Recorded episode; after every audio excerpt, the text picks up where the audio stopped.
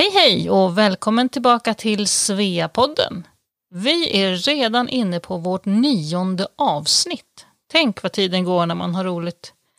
Och visste du att vi har haft 5333 nedladdningar totalt sedan vi lanserade den 20 juli i år? Nej men vad kul! Var, men var finns våra lyssnare egentligen? Ja, närmare hälften finns faktiskt i Sverige. Och sen 20 procent i USA och resterande befinner sig spridda över hela världen. Vi har faktiskt lyssnare i Brasilien, Makedonien, Chile, Tanzania och Nigeria. Inte dåligt, eller hur? Nej, verkligen. Och eh, ja, vi har faktiskt fått eh, ett mejl här, för vi får flera mejl från våra lyssnare, men eh, det var en kvinna här som skrev till mig häromdagen och undrade varför vi inte bara intervjuar sveor. Ja, och då tänkte jag bara säga att när vi startade den här podden så var ju ett av syftena att lyfta svenska kvinnor som bor utomlands. Inte bara de som är medlemmar i Svea idag alltså. Och eh, ja, du som eh, lyssnar som har förslag på kvinnor som bor eller har bott utomlands som du tycker att vi ska prata med i podden. Hör av dig till oss på sveapodden gmail.com. Vår förhoppning är ju också att podden ska kunna inspirera svenska kvinnor att kanske testa några år utomlands genom alla de här fina berättelserna från jordens alla hörn. Och obs, obs, obs! På tisdag den 10 november så håller Anna och jag ett webbinarium för alla er som vill lära sig mer om hur man lyssnar på poddar. Det är öppet för alla medlemmar i Svea och länk att anmäla sig finns på vår hemsida svea.org. Så om du känner någon som behöver hjälp med att komma igång med poddlyssnandet, tipsa om detta. Men eh, från det ena till det andra här nu. Har du hunnit läsa Adibas bok? Ja, alltså Adiba Barney som vi eh, pratade med i avsnitt 8. Ja, jag har plöjt den från perm till perm, så spännande. Adiba är en naturkraft och det är härlig och gripande läsning. Nu finns den att beställa på Amazon över hela världen, även numera i Sverige på amazon.se. Och du vet väl att alla intäkter går till forskningen? Har du fått boken än, Anna? Ja, jag fick den faktiskt här igår och jag ser verkligen fram emot att läsa den.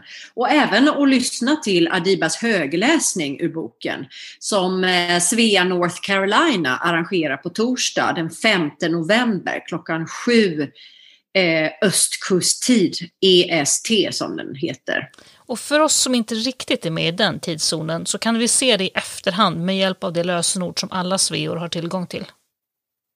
Ja, precis. Allting finns ju på vår hemsida svea.org.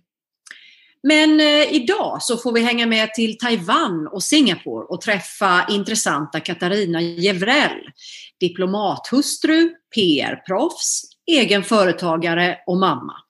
Sydostasien låter verkligen spännande. Jag ser fram emot att upptäcka det när världen blir resbar igen.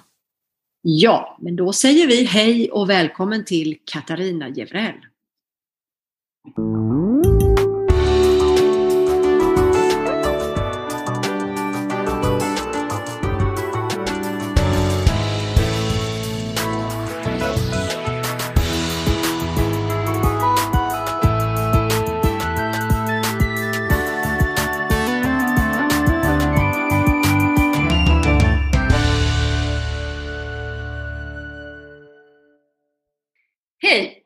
Jag heter Katarina Jevrell och jag är väl en entreprenörssjäl som har arbetat med PR och kommunikation i över 25 år. Och jag är nyss hemkommen efter att ha bott i Asien i sju år. Det var ett underbart äventyr som började för sju år sedan. Hej eh, Katarina och varmt välkommen till Sveapodden och även hem till Sverige. Så himla kul att få träffa dig och prata med dig en stund. Tack detsamma. Ja, hur är det nu att flytta hem efter så många år utomlands? Det där är ju en fråga som en del av oss eh, har tampats med. Hur känner du? Alltså, vi valde ju att flytta hem faktiskt och lite på grund av eh, covid-19 situationen. Eh, det var väl väldigt bra situation egentligen i Taiwan som vi bodde i. För de hade ingen inhemsk smitta men vi visste ju inte riktigt när vi skulle kunna åka hem. Dels har jag mina föräldrar och de är ju inte helt purunga och min pappa är lite sjuk och även min mans eh, mamma. Och dessutom så hade vi våra barn som just hade gått, eh, ena hade gått ut gymnasiet och vår son skulle börja plugga på universitetet i England. Så då blev det lite så här, är kanske dags att åka hem ett år för tidigt faktiskt, ehm, just med tanke på detta. Och jag måste säga att jag såg ju väldigt mycket fram emot att komma tillbaks hem till Sverige. Jag har älskat att bo, bo ute. Ehm, men den där känslan att få ett eh, sammanhang med ett, jobb där man har sina arbetskollegor och komma tillbaks till en vardag eh, och naturligtvis vara nära sina gamla vänner och sin familj. Det, det lockade extra mycket. Och jag tror att vi alla har fått en sån känsla lite med den här situationen och pandemin. Att man får tid att reflektera och, och se vad som verkligen är viktigt för oss. Men du, hur var det med corona där i Taiwan? Det, det var inte så mycket corona där? Eh, nej, alltså Taiwan var, de är ju fascinerade, alltså, de är så eh, på allting och de bevakar ju Kina naturligtvis eh, betydligt mer intensivt än vad något annat land egentligen gör. De noterade att det hände någonting i Wuhan väldigt tidigt och de eh, stängde ner trafiken till Wuhan eh, mer eller mindre direkt. Det här var ju vid Chinese New Year som är eh, slutet på januari. Och sen så noterade de att det spred sig inte bara till Wuhan utan till andra delar i Kina med tanke på att kinesiska nyåret då reser ja, jordens befolkning som faktiskt, det är så många kineser, så det är nog den, den eh, semestern eller holidayn som flest människor reser i tror jag. Eh, så att det spreds ju väldigt snabbt. Just. Och därav så stängde de hela gränsen mot eh, Kina, mer eller mindre. Och de hade en enorm smittsprid, eller smittspridningsspårning direkt. Så, så fort man kom, även från andra ställen, så fick man sitta i karantän, eh, self-isolation. Och även när det hade varit ett kryssningsfartyg som det då upptäcktes att några hade haft corona så visade de direkt vilka vägar, vilka gator de hade varit på, vilka restauranger och, och sånt. På TV alltså då, eller hur då? Nej, det här, det här är ju, eh, nej, det här var på red, eh, radio och även i tidningar. Och sen så var det att de kopplade, man fick sms per telefon Eh, så man också fick liksom eh, sådana här hotspots typ, eller där man Inte skulle visste gå? Nej, okay. Ja, och även snarare att de som hade gått där och de som bor där och de som arbetar där skulle vara extra uppmärksammade ifall de fick någon symptom. Så då skulle de ta sig till ett specifikt ställe. Så de var väldigt eh, noga. Och det här är ju väldigt häftigt för vi talar ju inte om ett, ett land, nu säger jag land, även fast eh, vi i Sverige och många länder med oss tyvärr inte eh, ser Taiwan som ett eget land. Men eh, de var väldigt, alltså det är ett demokratiskt land och jag, nu kallar jag Taiwan för. Eh, så att det är ju inte en diktatur där man följer personer och sånt där utan allting är ju frivilligt på det sättet. Men det här är ju eh, en pandemi och eh, den här pandemin har ju de en extra bevakning på med tanke på att de också upplevt sars eh, som slog väldigt hårt i Asien och även i Taiwan. De är superduktiga på information och effektivitet, kanske nästan ännu bättre än vi svenskar då, eller? Ja, eh, absolut faktiskt när det kom till den här pandemin, det måste jag säga. Den där och, typen av eh, smittspårningsapp som du pratar om, det har ju vi någon variant av här i Italien också, just där man den pingar med bluetooth tror jag. Just att och, och om man då är positiv och skriver in det i appen med hjälp av sjukhuset så får man då också reda på att hmm, den senaste veckan har du faktiskt råkat komma lite nära några som är positiva. Så du ska kanske tänka dig för lite grann. Alltså, vi har just den typen av, som du beskriver, app här också. Det har vi ju inte här hemma. Nej, och det här var ingen app utan det här var direkt, det är ju också att de har tyvärr är ju Taiwan ett av de länder som drabbas av jordbävningar. Så det går Mm. ut som eh, små sms eller eh, signaler. Så det var inte ens en app utan det var så man hade inte behövt själv anmäla sig för att få informationen utan alla som har ett eh, mobilabonnemang fick det. Det var som VMA typ. Men du Katar Katarina, vad tyckte du om det? Tyckte du att det var bra? Ja, Jag tyckte det var fantastiskt. Absolut. Härligt. Du, vi backar bandet lite här. Du har alltså varit i Taiwan nu eh, med din make som var, vad gjorde han där? Ja, min, min man Håkan, han har ju inte gått den vanliga diplomatbanan eh, utan han har kommit då in lite från sidan. Eh, till skillnad från min far som verkligen gick den klassiska diplomatbanan. Håkan var nämligen eh, åklagare och sen blev han politiker. Och sen fick han en möjlighet, han såg faktiskt att regeringskansliet gick ut med att man skulle kunna söka till att bli ambassadör i eh, Singapore. Och det här var sista ansökningsdagen när han såg det här. Då ringde han till mig. Jag jobbade på Skanska som PR och eh, Media Relations Manager. Eh, Ett verkligen toppenjobb måste jag säga. Eh, urkul. Och så frågade han, ska jag söka? Och jag sa, självklart. Det var för mig en sån fantastisk möjlighet. Jag hade, alltså jag tror att när man har varit eh, utomlands som jag var väldigt mycket som liten, eftersom min pappa då var diplomat, så har man det lite i blodet. Mm. Och jag tror att jag hade i många, många år längtat efter att komma ut. Och det kanske också var ett av de skälen till att jag direkt ta- tackade ja till det här jobbet på Skanska faktiskt. För jag såg nog också det som en möjlighet att komma ut igen. Men nu kom min man först. Och roligt nog så fick han det här uppdraget. Och det var så fantastiskt tycker jag. För jag måste säga att även kunna ge mina barn den möjligheten som jag fick. Att leva i ett mångkulturellt land, gå i internationella skolor, träffa andra från olika kulturer och dessutom öppna sina sinnen och få en bredare horisont. Det tycker jag är det bästa jag kunde och min man kunde ge våra barn.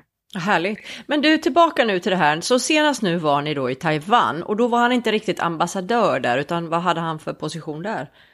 Ja, där, han, där var Håkan Sveriges representant.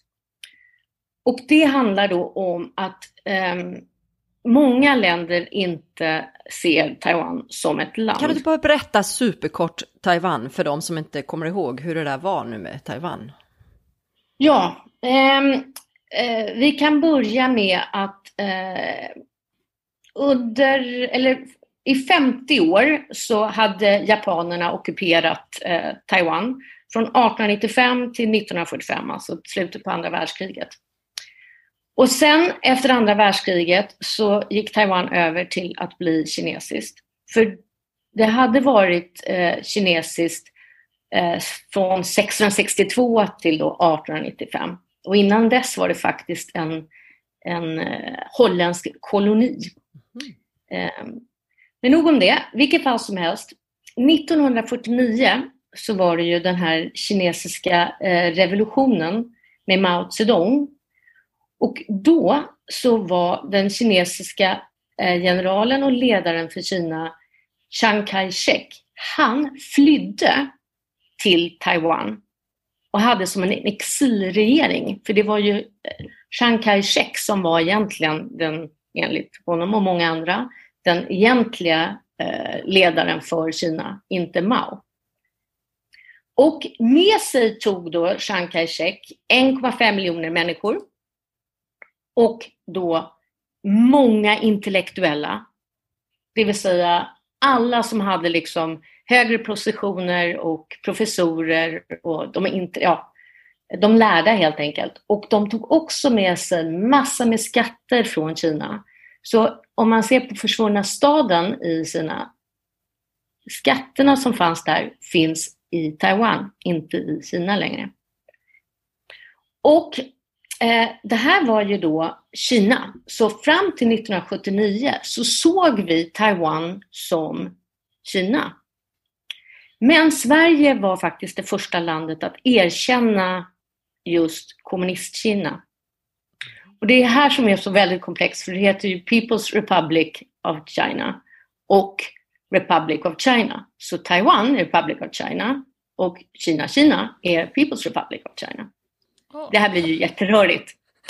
Förvirrande. Vilket, vilket fall som helst så satt då Chiang Kai-shek och Taiwan med i FN som då eh, Kina. Men sen blev det Maos Kina som kom med. Och då fick Chiang Kai-shek frågan ifall de ville sitta med i FN till exempel, som ett eget land för Taiwan. Men han svarade de facto nej till det. Och i mina ögon, det här är alltså helt mina personliga åsikter, så hade han ju lite, tyvärr, storhetsvansinne och ville ta tillbaks då Kina.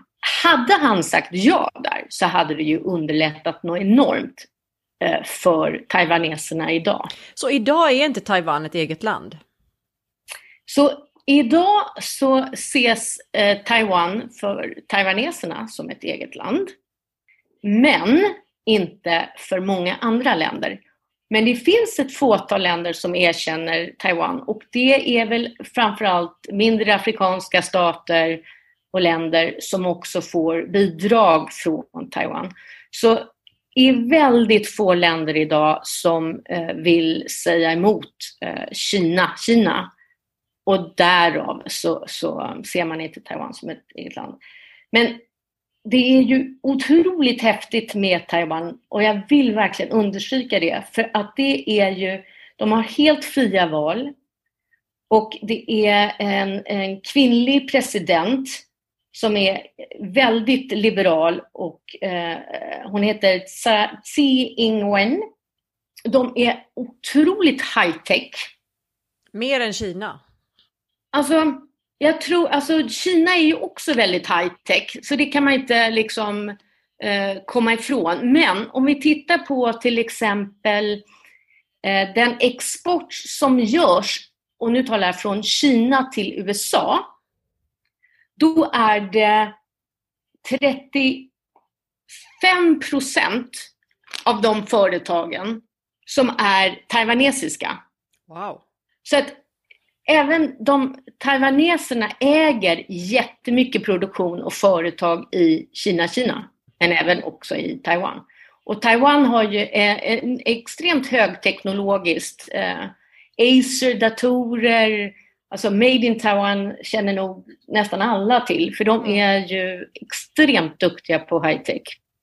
Och hur länge var ni nu där i Taiwan? Nu var vi där bara i två år lite för kort eh, onekligen. Men det är ett, eh, eh jag måste bara berätta om vilka vänliga människor. Man ser att det är en helt annan... Nu har jag inte bott i Kina, men jag har varit och rest i Kina. Man ser att det är en enorm skillnad på kulturerna. För i Taiwan så finns den här gamla vackra eh, kinesiska kulturen kvar. Man är extremt vänlig. Du kan inte gå i tunnelbanan och se så här småförvirrad ut innan det kommer fram hur många människor som helst som säger vad kan jag hjälpa till med? Från liksom att hitta rätt till, och behöver du liksom en biljett till tunnelbanan och så här funkar det. De är otroligt vänliga. Och det är en häftig eh, skillnad i kulturen. Spännande. Men innan dess var ni ju också då i Singapore i, vad var det, fem, sex år? I fem år, ja precis. Och där var din man ambassadör? Och där var min man ambassadör. Och hur var det och vad gjorde du när ni var där? Alltså det var oerhört uh, kul. Det var så fantastiska år. Uh, Singapore är ju ett väldigt spännande land. Uh, det har halva Ölands yta. och har 5,6 miljoner invånare. Man brukar säga att the land of missed opportunities för det händer så kolossalt mycket hela tiden. Och det är en dynamik. Om jag ska jämföra med någonting så skulle man väl säga att det är liksom Asiens New York. Och där sitter också väldigt många huvudkontor och decision makers eh, är. Och det här är lite som ett exempel så vi försökte ju hela tiden, alltså min man och jag, vi har försökt att jobba som ett team. Och det har jag ju fått från min mamma och pappa som då också var diplomater. Eh, det är så lätt att man liksom lever lite olika liv och eftersom att UD bara anställer en person, som ambassadris är man ju inte anställd på UD utan man är bara medföljande. Men vi bestämde väldigt tidigt när vi gjorde det här äventyret att nej, vi ska se oss som ett team. Så jag, och dessutom med min bakgrund, jag läste internationell politik och statsvetenskap så jag är ju också väldigt intresserad av alla de här frågorna. Vi tror jag hade roligare tillsammans genom att vi såg oss som ett team. Vi hade eh, en, en vardag på residenset i Singapore handlade om att vi hade vi gick på fem till sju tillställningar i veckan ungefär. Alltså man, vi blev inbjudna till betydligt fler, men man kunde inte gå på fler. Man måste liksom sålla bland allting. Och så hade vi två till tre tillställningar hemma i residenset i veckan. Fullt upp. Ja, men verkligen. Men roligt. Ingenting för introverta liksom? Eh, nej, alltså, jag tror väl att, att, det är ganska häftigt faktiskt. För diplomater, det behövs nog eh, alla varianter. Jag tror faktiskt att eh, det är nog smart att man har en extrovert ambassadör eh, och en introvert emellanåt eller att man har som första ambassadsekreterare etc. Så att man kan kombinera, för alla människor behövs naturligtvis. Men onekligen, som ambassadör så är det ju väldigt mycket att finna och få information på eh, många gånger lite eh, inofficiella vägar helt enkelt. Så det är väldigt många mottagningar, eh, luncher, frukostar, seminarier och möten. Finns det många olika val man kan göra där som du säger som, som medföljande, som ambassadris? Det låter som att man kan, man brukar prata om till exempel när det handlar om, om the first lady liksom i USA, samma sak, att man kan välja lite grann vilken typ av roll vill man ha och att man bygger den lite grann själv. Som säger, ni valde teamvarianten och det finns lite andra varianter och, och göra det Eh, är det väldigt mycket upp till, det, till er själva, både som ambassadör och medföljande, vilken modell man väljer där? Vilka möjligheter finns där? Ja, nej men det är det absolut. Jag tror att förr var det mer vanligt att man jobbade som team. Och det här handlar ju inte bara om för UD och, och ambassadör utan eh, generellt för företag som, som är utomlands. Alltså förr var det ju mer kanske att man inkluderades eh, hela familjer. Du vet att man hade familjeevent och, och eh, idag så är det ju inte alls på det sättet. Dels av ekonomiska skäl tror jag, men också att man är mer individualistisk, inte minst ja, i synnerhet Sverige och svenskar. Berätta hur det är just det där ambassadörslivet numera. Jag vet att du sa till mig att det är många som flyttar ut som ambassadör och, och deras partner kanske inte följer med längre, som det var förr i tiden. Är det så? Det har ändrat sig väldigt mycket. Ja, eh, det har det ju. Och eh, det är ju naturligtvis, men dels är det ju att det är inte lätt idag. Jag tror att för alla som får chansen och möjligheten att flytta utomlands tycker jag att man ska ta den, för det är så oerhört berikande. Man får igen så mycket annat. Men det är ju inte lätt att vara medföljande, oavsett om man är kvinna eller man. För att det är ju hela tiden upp till en själv då att bygga de här olika nätverken eller att hitta sina eh, olika positioner, vad man än månne göra. Och ofta så är ju inte heller det safety net eller det runt omkring så enkelt. Eh, det är ju ibland kanske till och med enklare för kvinnor än för män som medföljande.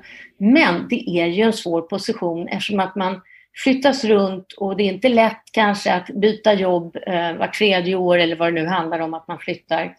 Och när man flyttar hem så är, står man ju väldigt eh, på, på svajiga ben med tanke på att man har varit utanför kanske arbetsmarknaden eller inte har följt de vanliga spåren etc. Men du berättar vad du hittade på där när du var i Singapore. Jag vet att du startade ett eget eh, företag. Ja men Eh, precis, jag är ju en person som liksom alltid måste ha många projekt och eh, olika saker för mig.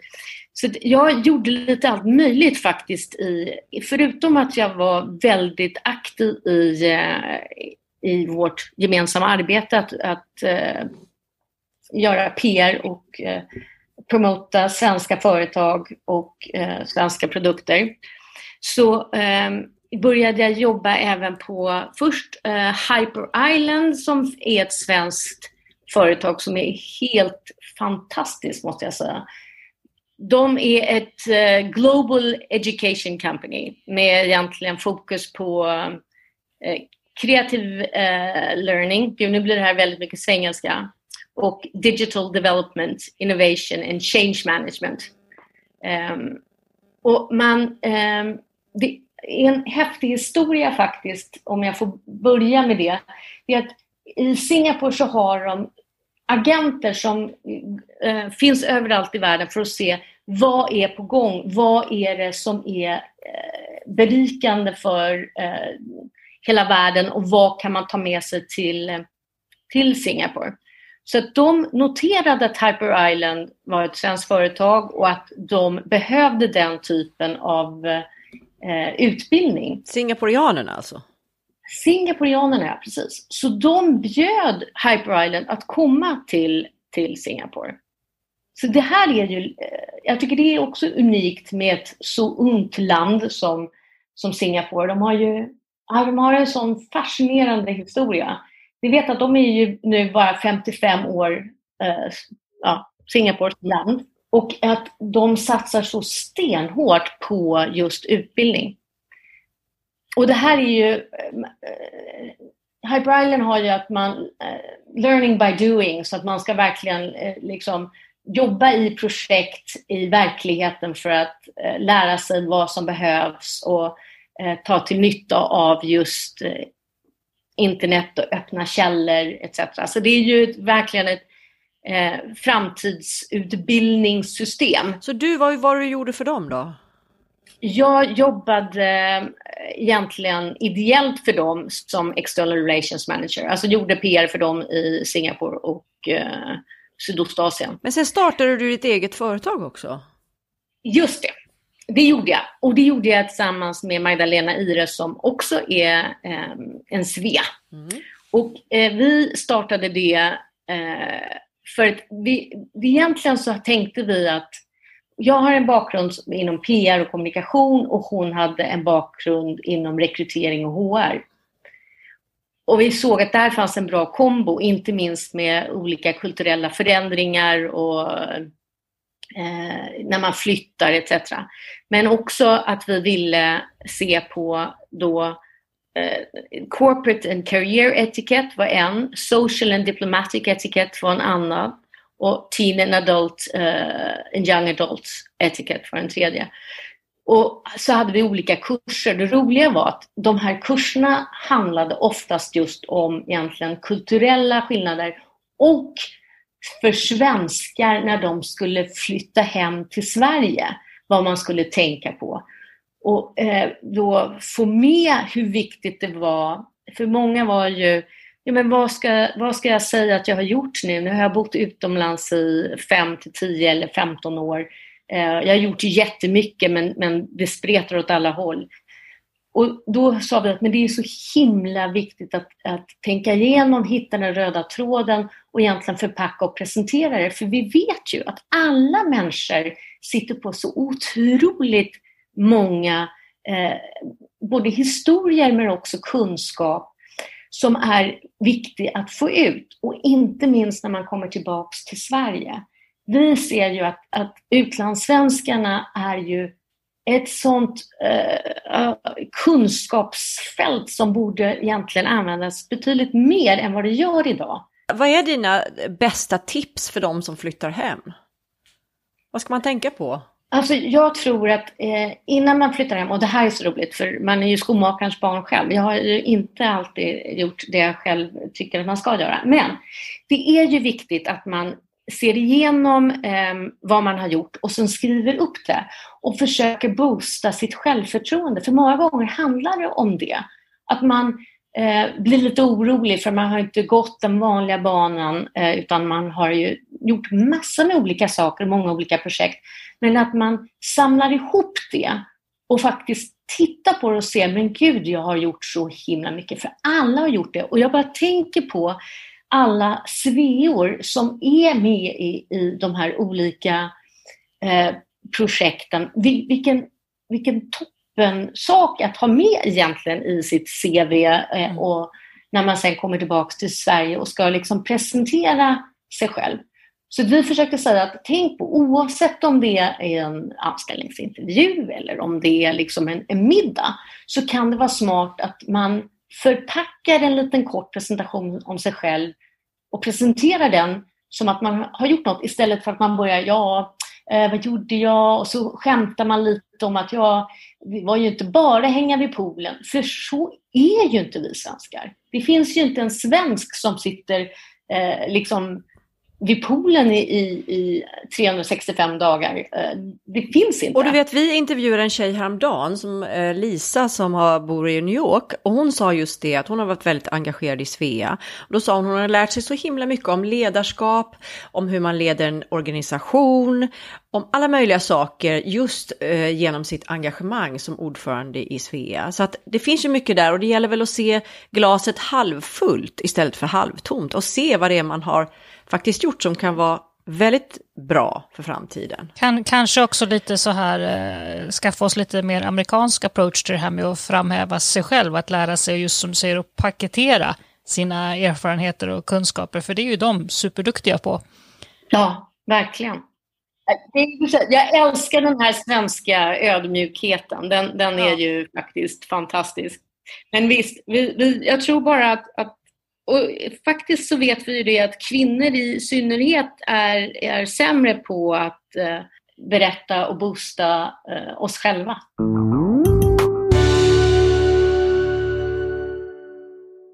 Visste du att Svea är den största ideella Sverigefrämmande organisationen utanför Sverige? Våra värdeord är världsvid vänskap, global kompetens och lokalt stöd. Och eh, vi vill vara det självklara nätverket för svensktalande kvinnor utomlands. Och vårt syfte är att främja svensk kultur, svenska traditioner och såklart det svenska språket i världen.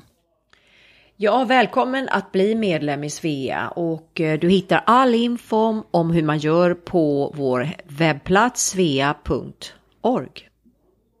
Du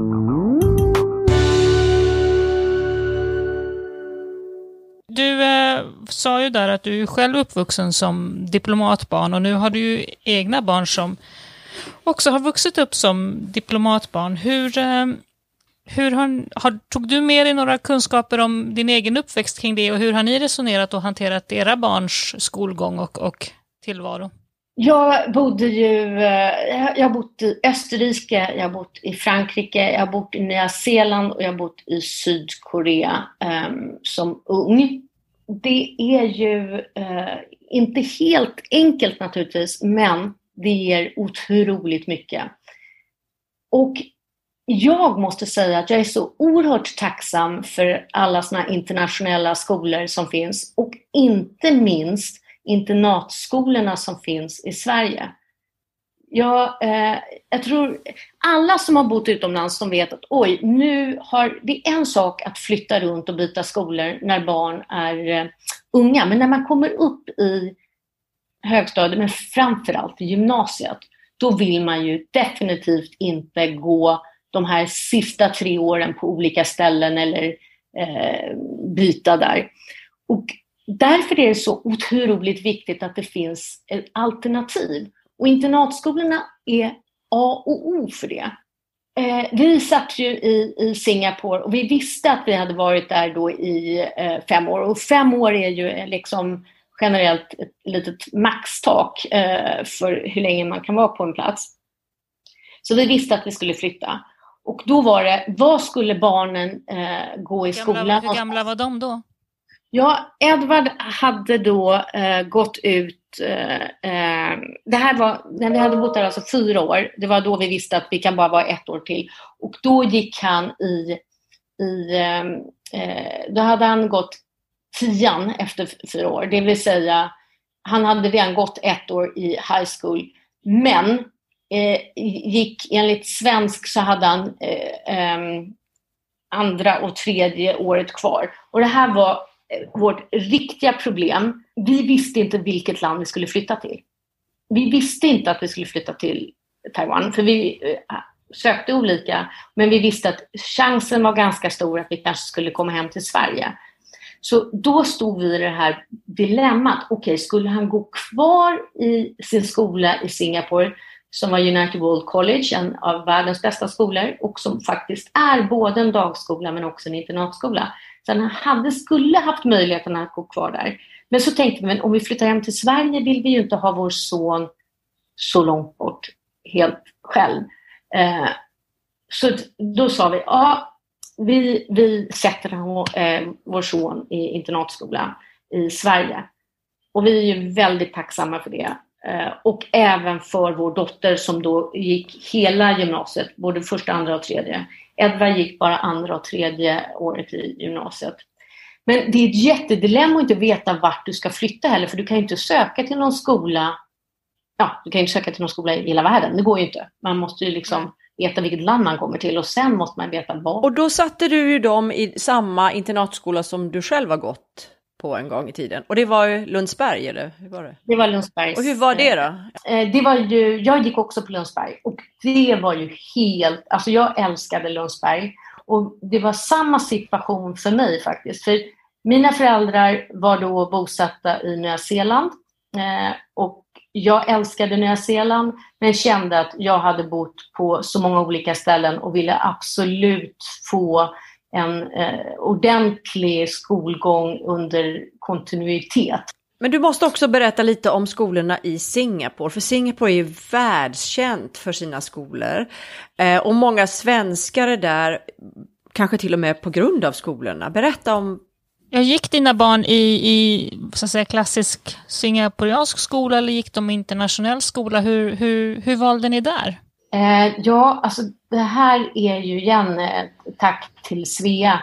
Eh, precis när vi fick veta att eh, vi fick eh, möjligheten att åka till Singapore, då fick jag kontakt faktiskt med Maggan Stampe Kollberg som var ordförande för Svea i Singapore.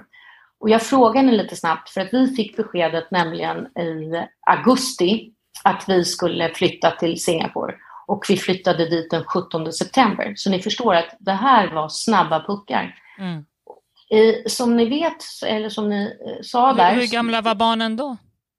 Eh, barnen var då eh, 10 och 12. Okay.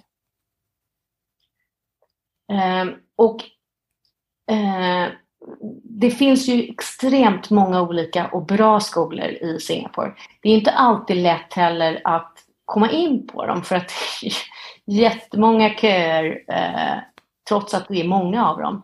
Men vi eh, fick då tips av eh, Maggan och vi ansökte till väldigt många. Och vi ansökte till både internationella, till amerikanska och engelska och eh, kanadensisk. Barnen kom in på eh, Canadian International School som är en jättebra skola för alla är verkligen helt fantastiska. Och som jag nämnde om, om Lundsberg så har de här skolorna också väldigt många möjligheter. Eh, alltså, de är ju eh, fantastiska, men också väldigt många fler eh, elever. Canadian var kanon. Vi hade hela tiden hört talas om United World College som faktiskt verkligen är en av världens bästa skolor som har fått de utmärkelserna också.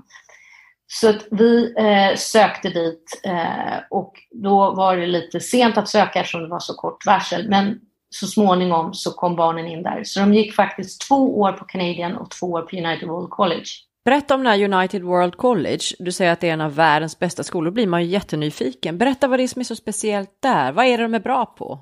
Alltså de är bra på att just eh, lära ut och veta vad som krävs. Jag, jag vill egentligen berätta om mina barns eh, analys av det. De sa att Canadian var ju väldigt bra, men alla som går i sådana här bra skolor, det blir en viss stress också. Och ni vet att de här skolorna i Singapore, de är verkligen mångkulturella. Det är så häftigt. Det fanns ju över 70 olika nationaliteter i barnens klass och i skolorna. Det är ju helt häftigt. Ni bara tänker hur berikande det är. Mm. Men många barn som kommer just från Asien, Indien, eh, Korea, Japan, Kina har ju då ett sånt extremt fokus på utbildning. Det är nästan så att jag blev lite mörkrädd som svensk eh, när man kommer dit för att de pluggar, pluggar, pluggar, pluggar, pluggar. Så att det är föräldrarna som sätter stress på även skolan, på rektorn. Rektorn sätter stress på lärarna. Lärarna sätter nog lite stress på eleverna och så blir det en, en rundgång där. Eh, de går till skolan till fyra och så, så, så hade de, alltså, när barnen kom så satt de varje dag och läste läxor tre och en halv timme efter skolan slut. Så det var ju liksom nästan inte tid till på, något. På, på skolan alltså gör de läxorna efter dagens slut? Alltså det är lite olika. Våra barn kom mest hem och gjorde läxor men, men många sitter eh, kvar i skolan eller har liksom tutors som kommer hem och läser med dem. Vi tyckte att det här inte riktigt, riktigt var hållbart eh, och därav så var vi ännu mer angelägna att byta till United World College. Och det här är lite häftigt för då ses ju då, alltså båda är topprankade men United lite högre. Där var det att läxläsningen sjönk. De behövde inte alls läsa läxorna lika mycket. Och då undrade jag, men vad va, va kommer det här sig? Och då sa Edvard att jo, Edvard är då min, min son, eh, han sa, jo mamma, jag tror att det handlar om att på United World College så är lärarna så extremt erfarna och de har jobbat där så länge så de vet precis vad som krävs. Så när då de här föräldrarna kommer och säger åh mina barn måste ha mer läxor och de måste göra det och det. Och då säger lärarna och rektorn, vi vet precis vad som krävs. Du kan vara lugn, du behöver inte oroa dig, vi tar hand om det här. Så då behövde de inte få den här stressen från lärare och eh, rektorn, utan de var så stärkta i, i sin eh, kunskap vad som exakt krävdes. De stod upp för sin professionalitet helt enkelt. Ja, verkligen. Och där ser man ju bevis också för att många av dem som gick på United World College kom då in på de här Ivy League-skolorna i USA och de högst rankade i, i världen. Um, så det är också ett sätt som de mäter varför de har kommit så högt i, rankingen, för att eleverna har bra uh, betyg och att de kommer in på de här skolorna. Men du tyckte inte att, du tyckte inte att det liksom den trade-offen att han, dina barn skulle gått kvar där då för att det ändå var en sån fantastisk skola, utan du tyckte ändå att Sverige var good enough liksom? Jag ville att mina barn skulle få både och. Och det fick de, vilket jag tyckte var häftigt. Eh, de fick uppleva de här och de fick även uppleva eh, eh internatskola i Sverige, som också är väldigt berikande. Och där igen är jag en eloge till, till Lundsberg för den eh, kamrat, alltså det är, om United World College har 4 000 elever så har Lundsberg knappt 200 elever. Så det är ju en jätteskillnad. Sigtuna har ju betydligt fler, men de har fortfarande inte fler, vad kommer, internatelever. Så sammanhållningen att vara runt 200 elever som bor ihop blir ju jättespecifik och det är också jättenyttigt. Hur, funkar det då, jag tänker villkorsmässigt och ekonomiskt för er, med de här typen av lösningar? Jag tänker de här skolorna i Singapore var säkert inte billiga och det är ju kanske inte Lundsberg och Sigtuna heller. När man åker ut då som ambassadörsfamilj, eh, Eh, vilken hjälp får man med sådana här saker, både praktiskt och ekonomiskt och hur mycket måste man lösa och betala själv så att säga? Hur fungerar sådana saker? när det kommer till UD så finns det ett visst paket och jag tror företag också kan ha andra paket. Jag vet att Business Sweden har något paket. Det finns, eh, i Singapore så fanns det, eh, det här har också ändrats med åren. När eh, jag var liten så vet jag att jag fick eh, och vänta nu, det här handlar ju också om vilket land man är, för det är lite olika för olika länder. Hur många skolor som finns. I Singapore så finns det ju väldigt många bra skolor. Och där ser man att det finns vissa skolor som är good enough, så att säga. Och eh, det finns då ett maxbelopp. Och eh, om en skola överstiger det maxbeloppet så får man helt enkelt betala en viss del själv. Men om man då till exempel som ni väljer att eh, skicka barnen hem till sig på internat i Sverige, är det någonting man måste hantera själv som förälder eller får man hjälp av UD med det? man, man, får, man får hjälp av UD också när man eh, eh, skickar hem barnen, eller skickar hem och skickar hem, när de väljer att gå hemma i Sverige, så länge man är utlandsposterad. Om det är så att man flyttar hem så får man bekosta det själv. Så det där är ju också naturligtvis eh, någonting som alla måste verkligen tänka på, för det där är ju också jättetråkigt om det är så att man bara har gått jag vet att när jag gick på Lundsberg så frågade mina föräldrar, men hur är det om vi flyttar hem? För jag började redan när jag var eh, 14-15, jag började i åttan, så jag började när jag var ganska liten. Att om det var så att de skulle komma hem, hur skulle det bli då? Skulle de behöva betala det själva? Då vet jag att någon på UD hade sagt att ja, nej men vi tror att vi ska eh, kunna eh, ordna det. Men idag så vet jag att det inte är så, utan flyttar man hem så får man bekosta det själv. Du, mm. på tal om det där med, med kostnader, hur, hur, ser kostnadsnivån ut i Singapore och Taiwan jämfört med Sverige? Jag har för mig att Singapore är jättedyrt, är det inte det? Jo, det är ett av världens dyraste länder att bo i. Um, det som gör att det blir väldigt dyrt, det är ju naturligtvis boendekostnad och bilkostnad. Eftersom att ytan är halva Öland och de har 5,6 miljoner invånare så bor, är marken extremt dyr. Och det betyder ju att boendet blir väldigt dyrt. Och de försöker också se till att eh, man inte har för många bilar, vilket gör att, att äga en bil beskattas eh, enormt mycket. Och ingen har en bil äldre än 10 år, för det eh, är liksom för dyrt, eh, så man köper nya bilar. Mm. Eh, det, det, låter lite märkligt här för jag som bor i Italien. Här har vi det precis tvärtom. Det är tokdyrt att eh, försäkra bilar och köpa bilar, hela liksom överföringen av ägarskap så här. Ja, de bilarna som är yngre än tio år här i byn kan jag räkna på två, på två händer. Ja, visst. Men helt ärligt, det är ju ögonfallande faktiskt när man kommer till Singapore och ser eh, bilparken. Spännande. Men det, det där är också, det är ju lite intressant för oftast är det ju att nya bilar, så länge de inte är stora suvar allihopa, så, så är de ju oftast bättre konstruerade och drar mindre och bättre miljöbilar. Men, eh, och det är inte så att de, de äldre bilarna bara skrotas, så att det liksom, utan de återvinns ju ofta säljs de till andra länder, Malaysia och Indonesien etc. Du, nu när vi är inne på det här med Singapore, vi måste ju ändå fråga lite till om hur det är att bo där. Är det liksom, det, man har ju hört det där att man åker i fängelse om man spottat tuggummi på gatan. Är det så strikt? Nej, alltså det här, för att förstå det där så vill man ju nästan berätta också om historiken med, med Singapore. De blev ju då självständiga som sagt 65 och det var ju ett land som låg... Det är ju så häftigt att eh, Lee Kuan Yew som var den stora ledaren och visionären, tyvärr så har han gått bort nu, men han hade ju en, en vision om Singapore som är helt unik. Man kan säga att landet styrs som ett företag.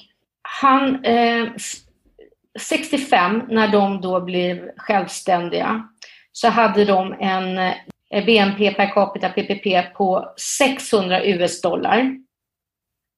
Och eh, 2017 har jag siffran på, då har de en BNP per capita på 86 000 US-dollar. Wow. Och då om vi jämför Sverige som hade 1965, då hade de, eller hade vi då eh, 3 000 US-dollar och de hade 600. Och 2017 så hade vi i Sverige 46 000 US-dollar och de 86 000. Vad är, vad är det de har gjort då som gjort dem så framgångsrika? Uh, jag eh, om, om, jag tror att det är att de har satsat på utbildning. Utbildning, utbildning, utbildning. Det var vad Lee Kuan Yew sa hela tiden, att det var det absolut viktigaste. Och även eh, att Alltså, en anekdot var att han ville att alla skulle ha en, en bostad. Så att han såg till så att man fick hyra väldigt, väldigt billigt. Så noterade han att det funkade inte det, det, förstördes och det gick liksom inte eh, att, att bibehålla de här hyreslägenheterna. Så då ändrade han och sa att nej, man ska se till att man får köpa sin bostad för en väldigt låg penning, när man fick köpa dem. Och då menade han att om man fick köpa sin bostad så tog man också ansvar för sin bostad och såg till att man bibehöll den och såg till så att barnen skulle få ärva den och att den gick vidare och man skötte den. Så att det var ett av fundamenta. Och sen var det också häftigt för att det var ju många interna stridigheter eh, på 60-talet, även 70-talet. Eh, men han sa att Singapore ska vara ett multikulturellt land, så att han sa att alla helgdagar för de olika religionerna, stora religionerna, skulle firas. Så man har indisk, man har buddhistisk, man, ja, eh, buddhistisk, man har eh, kinesiskt och man har även brittiskt. Men de har inte fria val, så han var typ som en smart diktator, eller hur skulle man se det? Alltså, det, det här är, är, är omtvistat. Eh, de har faktiskt fria val. De har ett, ett system som är, är ett brittiskt system. Det de däremot inte har som är helt fritt, det är, är eh, journalist, journalistiken. Så att Ingen kritik? Makten är liksom, nej. Så det är väl det som är väldigt, väldigt annorlunda. Och sen har de ju även något som vi i Sverige är väldigt upprörda över. De har ju fortfarande liksom caning, eh, dödsstraff. Du får berätta vad det är. Vad är caning? Caning är alltså om man har gjort något så kan man få eh, så att säga piskrapp. Så man får fysisk bestraffning. Och det här är ju egentligen helt fruktansvärt. Och då säger de, ja men det var ju det vi fick lära oss av britterna. Men alltså som, som utlänning, som expat, som boende där, det är inte så att man går omkring och är rädd för staten Singapore om man gör något fel? Eller hur känns det att vara där? Nej, eh, det är det inte. Det är ju till och med så att när man bor där så blir man ju fascinerad över att det är så låg, låg kriminalitet. Det är ju att de har, åh nej, alert, alert, någon har snott en sparkcykel Eh, och så står det upp stora skyltar. Och om du är på restaurang, så liksom Starbucks, så lägger du handväskan på, på bordet för att markera att det är upptaget. Så mina barn var på, United, eller på um, Universal Studios, alltså som eh, Gröna Lund, Eh, Liseberg. Och de hade höll, hållit på med sina telefoner. Jag åkte och hämtade dem. Vi var på väg hem. Då kommer de på, åh nej, vi har glömt vår telefon på Starbucks på det här nöjesfältet. Så vi åker tillbaks, det är fullt överallt, det är bara ett bord som är ledigt, för där ligger en telefon. Du, det, det, det, är en jätteintressant fråga nu som vi har här i Sverige, du vet, med, med ökande gängkriminalitet och så vidare. Tror du att det där med Singapore, att de har så låg kriminalitet, har att göra med att de har väldigt hårda straff? Eller varför har de det? Alltså, jag har en väldigt tydlig åsikt om varför det är så. Nej, jag tror inte att det handlar bara om straffen. Jag tror att det handlar om konsekvenserna. Det vill säga inte straffen utan att de åker fast. Och det här är ju lite läskigt för vi vill ju inte hamna i ett övervakningssamhälle. Men de har kameror mer eller mindre överallt. Och alla vet att är det så att du gör ett brott i Singapore så blir det konsekvenser inte bara för straffen, men du åker alltså fast. Så den där övervakningen är relativt effektiv då med andra ord? Den är eh, extremt, eh, för det är ju just, ja, eh, för om jag tittar på olika länder, jag menar, du har Malaysia, Indonesien runt knuten. Där har de också väldigt höga straff, men där åker ju inte folk fast. Det här är ju jätteintressant alltså. Och då blir det ju inte på samma sätt. Men i Singapore så är de ju så, ja, de är, de är väldigt bra på att sätta fast alla tjuvar och banditer. Du, en annan grej jag tänkte på med Singapore innan vi går vidare, vi ska prata lite om Svea också, men, men innan vi går vidare vill jag bara, jag kommer ihåg att du sa när vi pratade inför den här podden att du berättade lite om det här med svenska företag och Sydostasien och att du var lite tveksam till varför inte svenska företag kanske på samma sätt som förr är intresserade av att etablera sig där. Kan du berätta lite om det? Det var väldigt roligt. Jag och min man initierade ett, eh, initierade ett eh, projekt faktiskt 2016 vi eh, startade Sweden Southeast Asia Business Summit. Och det var för att göra PR för svenska företag och svenska innovationer i Sydostasien. Men också att sätta Sydostasien på kartan i Sverige. För just det är den tillväxtmotorn i världen som ökar mest. Och att svenska företag tyvärr är inte lika bra som vi var förr på att komma ut. Alltså, vi har ju varit så otroligt stolta vi svenskar. Vi finns överallt och vi har varit pionjärer och eh, duktiga på innovationer. Jag, menar, jag minns i Nya Zeeland 82 så firade vi eh, liksom 50 år på SKF etc. etc. Och eh, Electrolux med sina dammsugare hette Tulax eh, att, att dammsuga Nya Zeeland etc. Så att vi har alltid varit duktiga, men jag är rädd för att vi börjar halka efter lite. Varför då? Ja, varför då? Jag vet faktiskt inte helt och hållet. Men jag är rädd för att vi har blivit eh, kanske lite bekväma och lite, eh, kanske vi också är rädda för konsekvenserna med tanke på, så vi är ju så himla glada för vår tredje statsmakt, alltså eh, att vi hela tiden granskas och att företag och, och politiker granskas. Men ibland undrar jag om vi gör oss en björntjänst på vissa sätt. Alltså, vi ska ju vara så stolta för våra företag som finns. H&M, ja alla. Och inte kanske hela tiden eh, sätta käppar i hjulen för, för exporten. Alltså vår välfärd i Sverige grundar sig på vår export. Har vi inte vår export så kommer vi aldrig kunna ha välfärd såsom sjukhus. Hur menar du att vi sätter käppar i hjulen för, för exporten? Ja, för att vi inte vågar komma ut på samma sätt.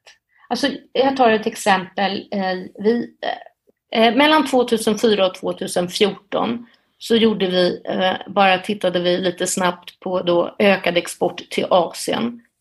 Då ökade Sverige mellan de här åren 30 procent. Och det kanske man skulle kunna vara lite nöjd med, det ökade 30 procent. Men då benchmarkar man och tittar och jämför med till exempel Österrike som ökade sin export med 170 procent. Oj. Ja, och ja, då förstår man att ja, det är en enorm skillnad. Och här har ju vi i Sverige varit så himla bra. Men vi är inte där riktigt. Och vi försökte Alltså vi vet också att i Asien så är det så viktigt med relationer. Det går inte att skicka Alltså man måste ha företagsledningen som träffar företagsledningen. Det måste vara samma liksom, nivå på ledare som träffas. Och att man bygger upp en relation och en långsidig, långsiktig relation.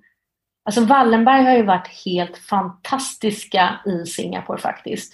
Marcus Wallenberg sitter med i Eh, en av liksom, eh, Singapores eh, statliga bolagsstyrelser eh, som den första europeen.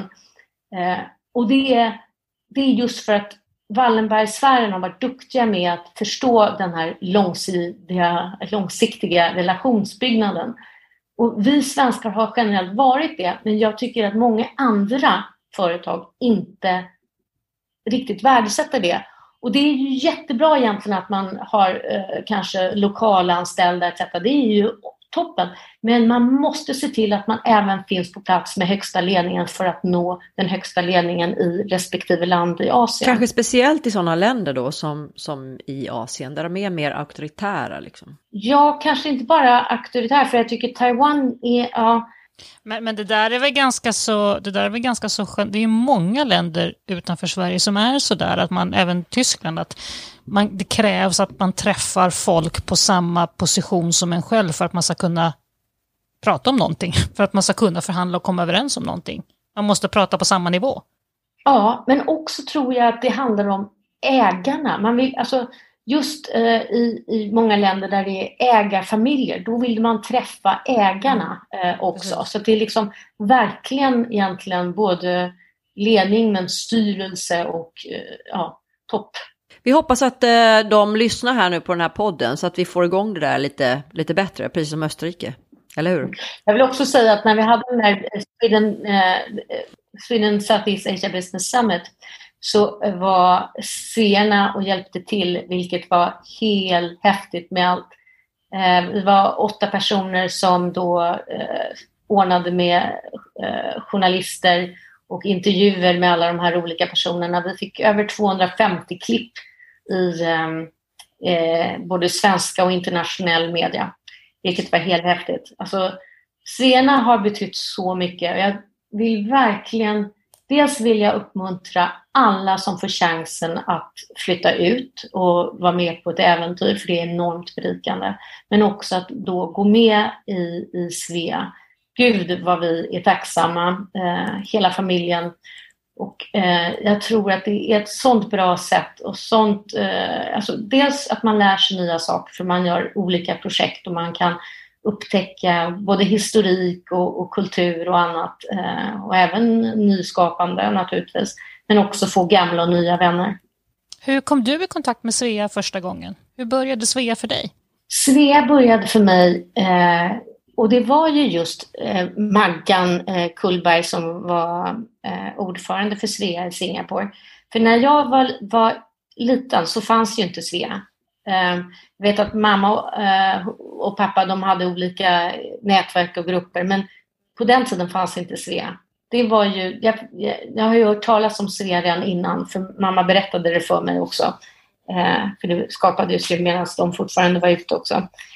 Ehm, alltså ute, de har ju bott i jättemånga länder som jag inte har följt med då jag blev vuxen. Maggan kontaktade oss dels då eh, hörde jag av mig till henne eh, när jag just skulle flytta till, nej hon ringde mig, hon ringde mig, när vi skulle flytta till Singapore. Och sen när vi kom på plats i Singapore så kom hon upp på kontoret och presenterade sig, då eftersom vi bara pratat telefon, och berättade om både Svea och, och eh, olika skolor och möjligheter. Det var toppen.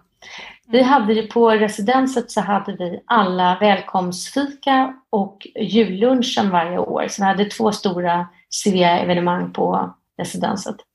Hur mycket hjälpte Svea dig då när du kom till Singapore? Att, att, att komma in i nätverken och ja, vad gav Svea dig där? Alltså Svea gav mig eh, jättemycket för det är alltid Eh, det är alltid så kul att träffa andra fler. Jag tycker generellt att det är så roligt att träffa människor för jag tycker att alla, alltså jag är som person väldigt, väldigt nyfiken och jag vet att alla människor eh, sitter på så många intressanta historier och eh, ja, det är så berikande att träffa människor.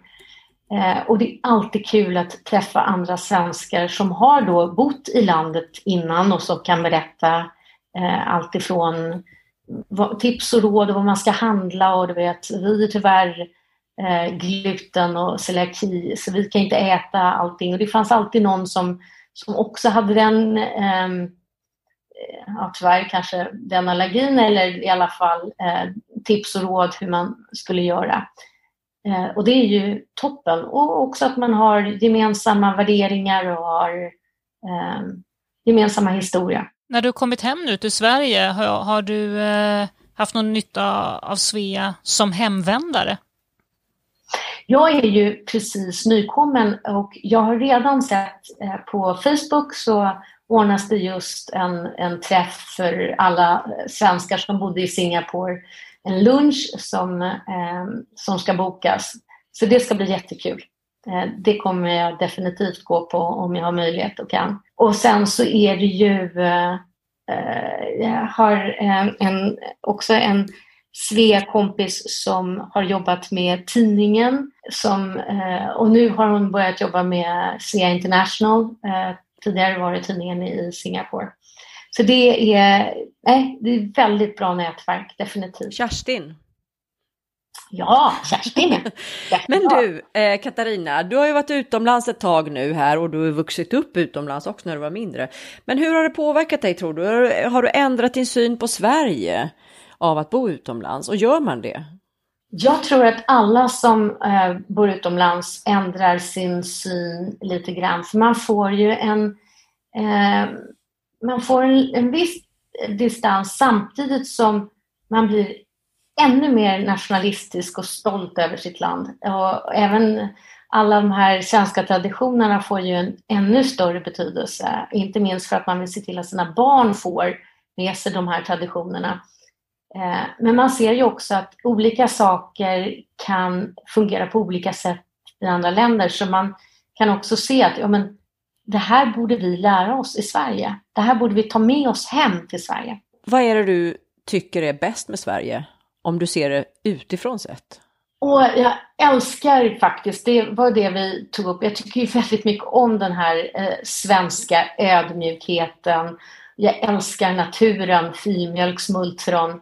Men också att vi är väldigt duktiga. Alltså vi är hedliga, duktiga, vi jobbar mycket och vi vill hela tiden egentligen eh, skapa resultat. Eh, och vi samarbetar super och vi är sociala. Och vi är extra sociala när vi inte bor i Sverige. Men det kanske handlar om vädret. Det där tror jag är ganska så, så universellt. Man ser ju det att många som inte bor i sina hemländer tenderar att umgås med sina landsmän när man just bor utomlands. Det, det gör vi alla. Mm. Hur, tror, hur tror du att vi svenskar här hemma ska kunna bli mer, lite mer, få upp intresset för alla de här fantastiska utlandssvenskarna? Alltså man, man hör inte så mycket om det. Det var ju därför vi lite startade den här podden också. Vi vill ju höra av alla de här fantastiska kvinnorna som bor i andra länder. Hur, varför är vi inte intresserade av det i Sverige så mycket? Ja, jag, eh, jag, vet ju inte varför egentligen, men jag tycker att det är oerhört tråkigt att vi inte tar tillvara på den erfarenheten. Jag tycker också att vi borde vara duktigare på att ta till oss det i skolsystemen. Säg att man har bott utomlands och varit utlandssvensk och sen så har man gått IB till exempel och så ska man flytta hem till Sverige då borde det ju verkligen vara en, en enorm fördel. Man ska inte göra det svårare. Är det så att det blir svårare för våra ungdomar att flytta tillbaka till Sverige, ja då är det en brain drain. Det är ju bara sorgligt. Det är ju ett exempel som man borde ändra på. Nu vet jag att det har blivit lite bättre än vad som sades från början. Men vi borde ta tillvara på det ytterligare. Det är därför jag också tycker att det är så oerhört viktigt att vi bevarar internatskolorna i Sverige. Det finns ju tyvärr bara två kvar som är liksom av, av det gamla gardet. Hur eh, tänker ni nu då? Du sa när vi började prata här att det känns skönt att vara tillbaka i Sverige och att den här coronatiden får en att reflektera lite grann över var man är hemma och vad som är viktigt. Hur tänker ni nu då framöver? Är ni på väg ut igen eller blir ni i Sverige ett tag eller hur känns det? Jag tror att vi kommer bli hemma i, i Sverige nu ett tag. Eh, jag är supernöjd. Edvard ska just börja på UCL i London och eh, vår dotter Beatrice Trissa kallar vi henne. Hon ska nu börja plugga i Lund. Och det känns ju jätteskönt att vara liksom nära dem på det sättet och inte minst våra föräldrar också. Men det är ju jätteviktigt när man faktiskt eh, jobbar för Sverige, så som min man och som jag delvis känner att jag gör också eftersom att vi är ett team, så måste man ju vara hemma emellan också så man vet precis allting, hur allting funkar, så man inte liksom kommer för långt bort från, från samhället och hur, hur, det, hur det fungerar här hemma. Så att vi kommer nog definitivt vara hemma här eh, i antal år. Eh, men sen finns det nog möjligheter att vi eh, kommer ut igen. Det hoppas jag. Men med det så är vi, eh, tror jag vi tackar dig Katarina. Det var så intressant att få pratas vid. Eh, vad tycker du Maria? Det var spännande. Absolut jätteintressant att, att höra livet som, som eh, ja, diplomatfamilj eh, och medföljande som ju har ändrats lite grann. Jättespännande. Ja, tusen tack för att jag fick vara med. Och tusen tack alla svear där ute som verkligen gör en skillnad.